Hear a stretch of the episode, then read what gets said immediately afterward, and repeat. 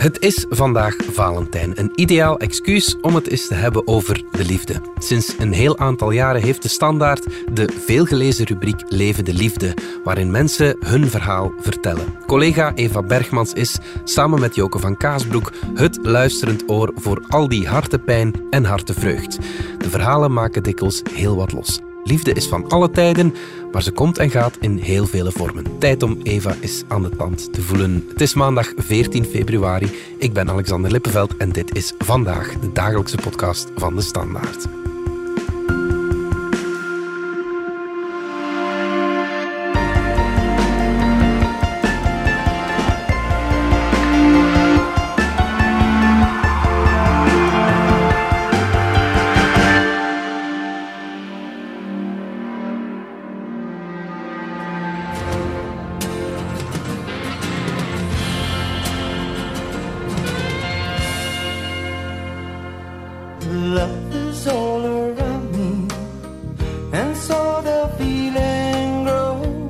Eva Bergmans, welkom in onze studio. Je bent bij de Standaard de vrouw die geregeld over liefde, relaties en seks schrijft. Moeilijk huwelijk voor een kwaliteitskrant eh, als die van ons, lijkt me. Was dat van meet af aan een evident thema voor de krant? Eh, nee, totaal niet. Integendeel. Ehm, ik, ik wou dat eigenlijk al heel lang graag doen. Eh, in de Volkskrant doet uh, Corinne Kolen dat echt al decennia lang. Mensen ondervragen over hun liefdesleven. En eh, ik las dat altijd bijzonder graag. En ik zocht misschien ook wel een excuus om mensen te ondervragen over hun liefdesleven. Uh, maar uh, de krant vond dat soort onderwerp, laat staan zo ja, getuigenissen, nogal anekdotisch. En ja. ja niet meteen het soort journalistiek dat uh, de standaard nodig heeft. We mm -hmm. schreven daar wel in theorie over, we interviewden wel experten. Um, maar echt mensen het forum geven van vertel maar, dat deden we niet. Ja. En uiteindelijk is de rubriek ontstaan via een omweg. Mm -hmm. Uh, ik heb uh, in 2018 enkele maanden uh, als thematisch correspondent mogen schrijven over de staat van de monogamie. Ja. Het ging vooral over ethische non-monogamie. En ik, ik, zocht daar heel erg naar een vorm en ik wou dat ook eerst heel slim doen en experten aan het woord laten. Maar dat kwam niet tot leven op papier. Mm -hmm. En uiteindelijk heb ik binnen dat correspondentenschap een reeks gemaakt waarin mensen vertelden over hun relatievorm. Ja. Uh, bijvoorbeeld een stel swingers of iemand die uh, in alle openheid meerdere relaties had. En toen zagen we, ah ja, dat werkt. En niet alleen het werkt als journalistieke vorm, maar ook het wordt gelezen. Ja, ja, ja, absoluut. En vanaf toen uh, was de rubriek Leven de Liefde een feit. Ja, nog even over dat correspondentschap. Ethische non-monogamie, zeg ja. je, dat moet je even uitleggen. Ja, dat is een moeilijk begrip. Hè? Ja, Daarom ja, was de officiële titel ook uh, monogamie. Ja. Het was een, een, onderzoek naar de staat van de monogamie, vertrekkende vanuit het idee, er zijn heel veel uh, ja, scheidingen, er zijn heel veel relaties die stuk lopen op overspel. Uh, en het was ook in die periode zo dat er meer en meer gesproken werd over bijvoorbeeld polyamorie. Ja. Dus waarbij mensen in alle openheid meerdere romantische relaties kunnen aangaan. Ja. Um, en ethische non-monogamie is een containerbegrip voor ja, non-monogame relaties die in alle openheid gebeuren. Dus ja. dat kan zijn puur uh, ja, dat je zegt, we hebben een open relatie, dus we laten elkaar seksuele ontmoetingen met anderen toe. Ja, ik kan me voorstellen dat daar gigantisch veel reacties op zijn gekomen. Uh, ja, daar was wel enige verbazing over. Mm. Moet de standaard zich daarmee bezighouden? En um, ook uh, mensen zijn daar op een bepaalde manier wel door gefascineerd. Ik werd vaak aangesproken door mensen op die reeks. Uh, en ja, in die fascinatie denk ik zit altijd iets van, tja, kan dat echt zo? Want je weet dat er veel overspel is. Er is massaal veel overspel. Dus het is niet dat mensen zich niet kunnen voorstellen dat je tot meerdere mensen aangetrokken wordt. Mm -hmm. Maar mensen kunnen zich niet voorstellen dat dat in openheid gebeurt. Dat je het gewoon geen overspel meer noemt. Dat je, daar gaat het niet om. Mm -hmm. um, dus mensen zijn gefascineerd, maar ze kunnen niet geloven dat dat soort relatievorm ook uh, een stabiliteit in zich draagt. Of ja. dat dat dan een volwaardige relatie is. Mm, uh, ja, dat ja. het geen soort... Ja... Dat het geen ja, freakshow is of, of zo. Dat het ook iets normaal kan zijn. Ja. Um, Ja, dat is nu een goede vraag. Of de mensen die het doen dan als freaks worden gezien. Er zijn zeker mensen die er naar kijken vanuit een moreel oordeel. Ja. Die denken van ja, dit hoort niet. Hè. Het, het, het model is, je hebt een man, je hebt een vrouw. En die komen samen en die blijven de rest van hun leven samen. Het en heel katholieke bedriegen idee, elkaar ja. niet. Ja, katholiek idee, ehm, maar een idee dat wel nog altijd heel erg leeft. En ook eigenlijk door eh zowat heel onze populaire cultuur in stand gehouden wordt. Ja, ja, Dus het morele zit er zeker in. En dan, ja, misschien is het ehm freakshow. Ik neig er altijd naar om het eerder te zien als een beetje jaloezie. Van, hmm, ja. die mensen hebben iets wat ik stiekem wel aantrekkelijk vind, maar niet durf. Ja, de angst voor het onbekende misschien voor velen. Ja. Ja, en in, de, in het klassieke liefdesmodel zit iets neurotisch. Hè? Zit iets heel eh, bezitterig. We vinden dat normaal. Een vriendin zei mij onlangs nog, ja... Als ik nu geen jaloezie meer zou voelen als ik mijn man zie praten met een aantrekkelijke vrouw, dan zou dat toch het teken zijn dat ik hem een beetje gelost heb op het, het seksuele vlak. Ehm, ja, en dat, eh, dat hoor je vaak. Dat zit ook gewoon in het model dat je ziet in ehm, televisiereeksen. Dat die jaloezie, die bezitterigheid en vage controledwang, dat dat toch een onderdeel is van een normale romantische relatie. Ja. Dus ik denk dat een deel van die angst is dat als je dat lichtjes claimerige, neurotische van een romantische relatie loslaat, eh, dat je dan meteen ook de liefde en de romantiek en alle gevoelens die erbij horen loslaat of niet ernstig genoeg neemt. Ja, ja, ja. Dus dat je inderdaad een ontzettend risico neemt. Terwijl, als je daar even over doordenkt, wat ik heb gedaan dankzij veel gesprekken die ik hierover gevoerd heb, dan kun je ook gewoon het omgekeerde zien. Het is net door dat beklemmende eh, dat bij de klassieke romantische liefde hoort, dat heel veel relaties stuk lopen. Want iemand gaat zich gevangen voelen of iemand heeft eens een keertje een scheve schaats gereden en dan, ja, dan staat de hele relatie op losse schroeven. En gaan mensen vaak uit elkaar. Dus eigenlijk is het risico, of je nu een monogame relatie hebt of een non-monogame relatie, het risico is altijd groot. Ja, tuurlijk. Ja. Liefde is in essentie een risico. Op een gegeven moment schreef de hoofdredacteur van het christelijke weekblad Tertio dat de standaard niet alleen ontzuild, maar ook ontzield was, omdat, ik citeer, geen enkel trouw en gehuwd man-vrouw koppel nog aan het woord komt. Alleen polyamoristen, seriële monogamisten, koppels die aan partnerruil of aan groepseks doen. Het ongewone wordt de norm, schrijft hij. Ocharm wie nog normaal doet. Ja, heerlijk hè? Ja, ja, ja. Ja, sorry. Eh, nee, ik mag daar niet te veel plezier in hebben, want het zegt natuurlijk wel iets. Ja. Eh, ten eerste, ja, die ontzield vind ik heel jammer, want ehm, hoe meer relaties, hoe meer liefde, hoe meer bezieling, denk ik altijd. Ehm, het andere, ja, oké, het tertio, het komt uit katholieke hoek, dus er zit een moreel oordeel in. Ehm, maar hoe het hier wordt geschreven, het is ook een beetje kwade wil. Ik geef toe dat in het correspondentenschap monogamie, waarin het expliciet ging over non-monogamie, dat ik inderdaad geen ehm, klassiek gehuwd koppel aan het woord gelaten heb. Maar in de reeks Leven de Liefde ehm, zitten, er, zitten er heel vaak. ja. Er zijn zeker ook koppels geweest die 20, 30 jaar samen waren, die me heel erg getroffen hebben, waren heel, waren heel mooie verhalen.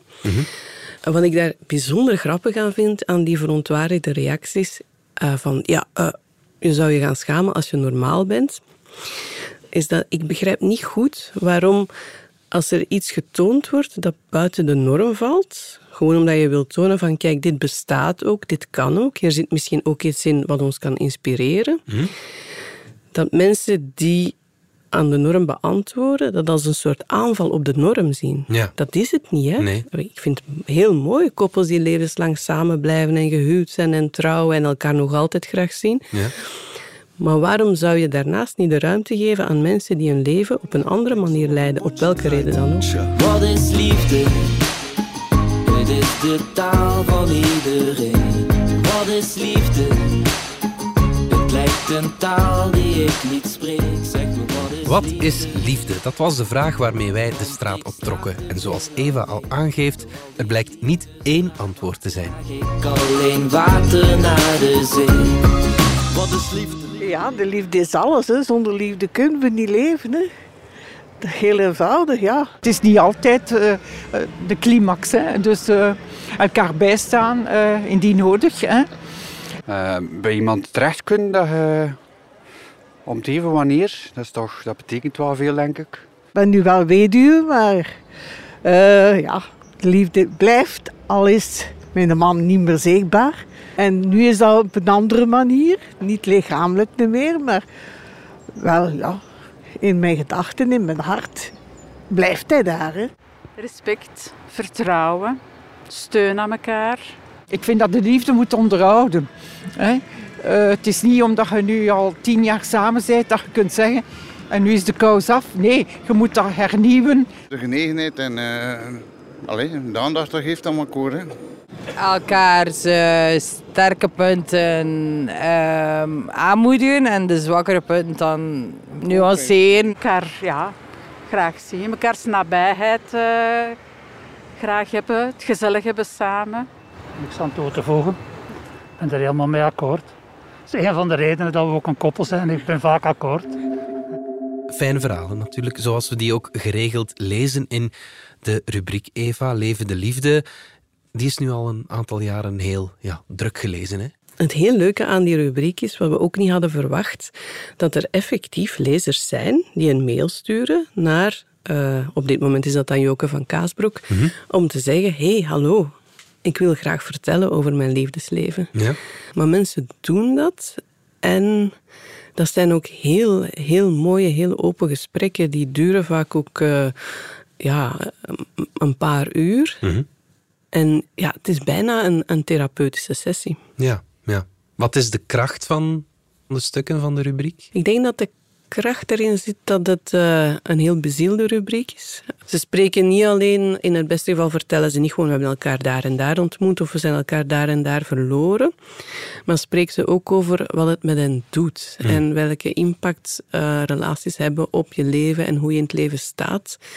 Uh, soms is dat ja, echt om om bij te wenen. Ah, ik heb ooit een man gesproken die dan na de dood van zijn vrouw had ontdekt dat drie van zijn vier kinderen biologisch niet van hem waren.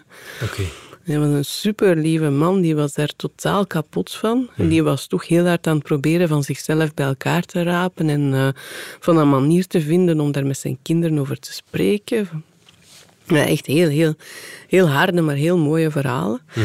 Mm ik denk gewoon in alles wat mensen erover vertellen, hoe het hen raakt, voel je een soort menselijkheid die we misschien niet in ja, een economische analyse terugvinden. Nee, inderdaad. Ja. Wat zijn zo wat de verhalen die jou het meest zijn bijgebleven? Oh, ah, dat is een heel, heel, heel moeilijke vraag. Ehm, laten we zeggen dat ik uh, op een intellectueel niveau echt heel veel heb gehad aan mijn gesprekken met uh, polyamoreuzen. Mhm. Omdat je daar bijna een ontleding krijgt van het klassieke liefdesverhaal. Dus dat wordt al heel snel filosofisch. Wordt ook wel eens gezegd dat mensen met polyamoreuze relaties heel rationeel in het leven staan. Dus die, die laten zich niet snel meeslepen door emoties. Mhm. Dus ik vond dat wel heel inspirerend, dat je kan liefhebben op een andere manier en, en heel open. Uh, maar ik ben zeker ook heel hard geraakt door uh, ja, bijvoorbeeld die man die dan ontdekte dat drie van zijn vier kinderen niet van hem waren. Ja. Ook door een, um, een koppel dat al twintig jaar samen was. Maar ik reed naar huis en ik dacht, ja, dit was heel mooi, heel mooi om hen samen te zien. Maar hoe ga ik dit in godsnaam op papier zetten? Ja. Want er was, om het nu lelijk te zeggen, er was helemaal niks opmerkelijk aan hun verhaal, behalve net dat je kon zien en voelen hoeveel liefde er tussen hun tweeën was. Ja, ja. Dat is heel moeilijk om op te ja, schrijven. Ja, ja dat, dat is soms ook echt een uitdaging. Omdat je, je weet wel, iedereen heeft een verhaal, maar je moet het ook zo opschrijven dat het overkomt. Ja. Uh, en je wil ook niet vervallen in die schema's. Er zijn heel veel schema's als je verhalen over de liefde wil schrijven. Dus je moet daar ergens door, zodat je merkt van welke emotie zit daaronder en waar komt het vandaan, hoe werkt het op elkaar in. En wat heel lastig is, is dat er tegenwoordig zoveel wordt getheoretiseerd over de liefde, dat mensen ook, als je niet oplet, in een zeker jargon blijven hangen. Dus mensen beginnen dan te praten over de hechtingstijlen, of uh, dat ze op zoek zijn naar een kopie van het, wat ze als kind hebben meegemaakt. Ja, klassiek Freud is, maar ook inderdaad in die modernere theorieën over attachment terugkomt. En ik snap dat wel, want je zoekt altijd, je wil altijd een verhaal maken van de emoties die Ja. je overkomen, zeker in de liefde. Dat is een helder kader. Maar mensen die spreken in theorieën of, of in, eh, in taal die ze hebben opgepikt in soaps of, of, ehm, of films, ja, die spreken eigenlijk niet over wat hen echt overkomt. Of dat, is niet, dat legt het niet uit. Dat maakt het niet duidelijk in het verhaal, de getuigenis die je uiteindelijk wil brengen. Dus dat vond ik als... In die zin vond ik het als journaliste ook een heel interessante oefening om eh, over de liefde te schrijven. En romantiek, is die nog aanwezig in onze samenleving? Het is vandaag Valentijn, dus we vroegen uiteraard ook aan de mensen of ze romantische plannen hebben. Eh, het is dan de bedoeling dat je je geliefde wel in de bloemetjes zet, maar ik doe dat eigenlijk iedere dag. Wij gaan normaal gaan eten, hè, lekker eten. Meestal eh, kreeft. Hè. Wij gaan donderdag en vrijdag twee dagen naar zee voor Valentijn. De eerste keer gewoon eten, net als ik eruit ga. Maar wij vieren dat heel het jaar door, eerlijk gezegd. Dus eh, Valentijn is niet zo'n speciale dag. Dus, eh, Vorig jaar hebben we wel voor onze oma bloemen gekocht op Valentijn. Dus ik vind dat ook wel Valentijn niet alleen voor uw lief moet zijn, maar gewoon liefde in het algemeen misschien. Wij doen iets speciaals thuis, een beetje kaarsjes branden, eh, gezellig maken en zo. Ik denk voor een keer een kaarsje en een bloemetje. We zijn een foto te zet. Dat ga ik doen. En een keer aan hem denken. Ik denk altijd aan hem, en dan niet, maar een keer speciaal aan hem denken. en er moeten geen grootse cadeaus bij zijn. Of, eh, Dus ja, misschien nog een klein iets extra voor het in de verf te zetten. Ik heb al iets in gedacht. Maar eh, ik ga dat voor mijn eigen houden. Valentijn blijkt toch wel populair, eh, Eva. Dat hoorden we van de mensen. Vier jij het? Goh, nee, zeker, allee, zeker niet in de klassieke zin van eh, kom, laten we cadeautjes kopen of laten we nu op restaurant gaan of laten we vooral vandaag iets romantisch doen. Eh, ja, in die zin dat ik zeker die dag wel eh, aan mijn geliefde wil denken. Ja. Of, of iets, een, een gebaar stellen of zo. Maar ja, dat is in die zin niet anders dan op andere dagen. Sommige mensen zeggen, je moet liefde onderhouden. En dan komt wel eens eh, het zinnetje naar boven, liefde is een werkwoord. Is dat zo? Eh, ja, dat, dat, dat zinnetje is op zich natuurlijk een cliché geworden. Ja. Ehm, maar ik vrees dat daar wel een grond van waarheid in zit. Eh, en wat mij heel erg is beginnen dagen tijdens al die gesprekken over de liefde, is dat het niet alleen betekent dat je tijd en aandacht voor elkaar hebt, hè, wat dan wel eens wordt gethematiseerd en we hebben een date night nodig. Ik denk wat nog belangrijker is en misschien nog moeilijker, is dat je ook moet durven zeggen wat er moeilijk is. En wanneer je gekwetst bent of wanneer je je eenzaam voelt of wat je dwars zit. Ik sprak er ooit onder meer met eh, Dominique van Malder over. En die had het over een relatie die stuk gelopen was. En hij gaf dat op die manier ook toe. Hij zei, ja, ik was vaak moe en ik zag mijn geliefde niet zo vaak. Eh, en ja, ik, op de momenten dat ik haar dan zag, had ik ook geen zin om weer te spreken over de dingen die moeilijk zijn. Dus ik dacht, Hmm. ik laat dat maar een beetje zo. We houden het luchtig, we houden het gezellig. Ja. En hij duidde dat ook als de reden waarom de relatie uiteindelijk teloor gegaan was. Intussen ben je zelf vervuild, of mag ik gepromoveerd zeggen, tot de seksdetectieve van onze krant.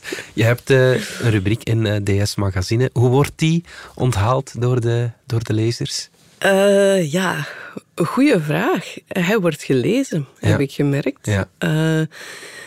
Ik krijg ook wel geregeld reacties, maar dan eerder van mensen uit mijn omgeving. Zo vrienden, vriendinnen, kennissen die, die het duidelijk lezen, die ik anders nooit hoor. Mag ik grote analyses maken over partnergeweld of over politiegeweld. En je hoort die mensen nooit. Maar schrijf één keer iets over eh, eh, masturbatie en sextoys. En ja hoor, daar... eh, Ik zag die, je ik zag die mensen je kent. Ja. rondgaan op, op social media, Ja. Eva, die van The Womanizer was het zeker. Ja. Ja, ja. Ja, ja die, is, die is inderdaad heel goed gelezen. Ja, ja, Ehm, dus ja, dat zijn, dat zijn eigenlijk wel leuke reacties. Ja. Ik heb tot hiertoe nog geen boze mails gekregen van lezers die vinden dat een serieuze krant als de Standaard toch niet over seks moet schrijven. Mhm. Dus misschien is die periode voorbij. Ja. Het is ook niet zo dat de seksdetectieve een logisch uitvloeisel is van de levende liefde. Het zijn eigenlijk eh, twee onderwerpen die, ja, die ik alle twee interessant vind en die, die voor mij losstaan. Maar ik heb in die rubriek ook geleerd dat, eh, dat er mensen zijn voor wie liefde, zelfs de romantische liefde, en seks heel weinig met elkaar te maken hebben. Hmm. Zoals er ook mensen zijn die perfect eh, seks kunnen hebben zonder dat Zonder daar... dat er liefde bij Ja, komt zonder dat daar veel ja. emoties bij komen kijken. I want to break free. I want to break free. We hebben het tot nu toe vooral over koppels eh, gehad. Er zijn natuurlijk heel veel mensen zonder partner. In Brussel eh, bestaat bijna de helft van de huishoudens uit één persoon, zo heet dat dan eh, officieel. Dat is bijzonder veel, hè? Ja. Ja, ja. Ehm, ja, ik weet ook niet of dat, dat erg is. Ehm, Als mensen zich daar goed bij voelen, is dat ook prima. Ik denk dat eh, de dwangmatige zoektocht naar een partner een bron van veel ongeluk is. Ja, denk je dat het vandaag voor mensen net makkelijker of, of moeilijker is geworden om iemand te vinden? Want er zijn natuurlijk wel dating-apps als, als Tinder, maar maakt dat het ook, ja, de- dat de drempel lager ligt? Mm, daar twijfel ik aan. En eh, onze collega Max de Moor heeft daar onlangs ook een mooi stuk over geschreven in het magazine over daten. Hoe, ja, hoe teleurstellend dat soms is en hoe kunstmatig het is om iemand te leren kennen via een dating-app. Ja. Ja, ik, ik denk dat het geen slechte zaak is dat eh, het caféleven en het nachtleven binnenkort terug op volle toeren kunnen draaien. Ja, denk ik ook. En tot slot, Eva, klopt het cliché dat liefde gelukkiger maakt volgens jou? Ehm, ik denk dat ik eerst en vooral wil antwoorden met een ander bijna cliché. Eh, dat het niet verstandig is om voor je geluk af te hangen van een ander. Ja. Laat staan van de liefde. Laat staan van iets neurotisch als verliefdheid. Ja. Ehm, en dat is ook iets wat je vaak ziet in relaties, dat mensen alles gaan verwachten van hun partner, waardoor er ja, per definitie natuurlijk meer vrevel, frustratie en ongeluk ontstaat dan geluk. Ja. Ik denk liefde in de algemene zin van eh, ja, dat je je dat je geliefd wil weten, of dat dan nu in een romantische relatie is of breder. Want daar hebben we het nu niet over gehad, maar er is natuurlijk ook een hele school van eh, denkers die liefde zien als een, als een ja, maatschappelijk transformerende kracht bijna. Dus Ja. daar valt heel veel over te zeggen. Ik denk dat liefde zeker essentieel is om gelukkig te zijn. Maar of het dan per se de romantische liefde moet zijn, daar twijfel ik een beetje aan. Mhm. Daar eh, komt voor heel veel mensen toch ook heel veel ongeluk uit Ja. voort. Vriendschappelijke liefde kan daar ook belangrijk in zijn, wil je zeggen? Ja, denk ik zeker. Ja. Ja. Vriendschap is, eh, is eh, essentieel. Ja. Vriendschap is ook een vorm van liefde, Ja, toch? tuurlijk. Ja, ja, vind ik wel. Goed. Ik ga vanavond Valentijn toch gewoon vieren met, eh, met mijn partner en niet met mijn vrienden. Ik wou net zeggen, misschien moeten we Valentijn allemaal met onze vrienden vieren. Ja, ja, Het, is, het is een idee. Goed. Eva Bergmans, dankjewel. Graag gedaan. Dit was vandaag de dagelijkse podcast van De Standaard. Bedankt voor het luisteren. Ken je trouwens DS Podcast al, de podcast-app van De Standaard? Daar luister je niet alleen naar onze journalistieke reeksen, je krijgt ook elke week een eigenhandige selectie van de beste nieuwe podcasts op de markt. Alle credits van de podcast die je net hoorde vind je op standaard.be-podcast. Reageren kan via podcast.standaard.be. Morgen zijn we opnieuw.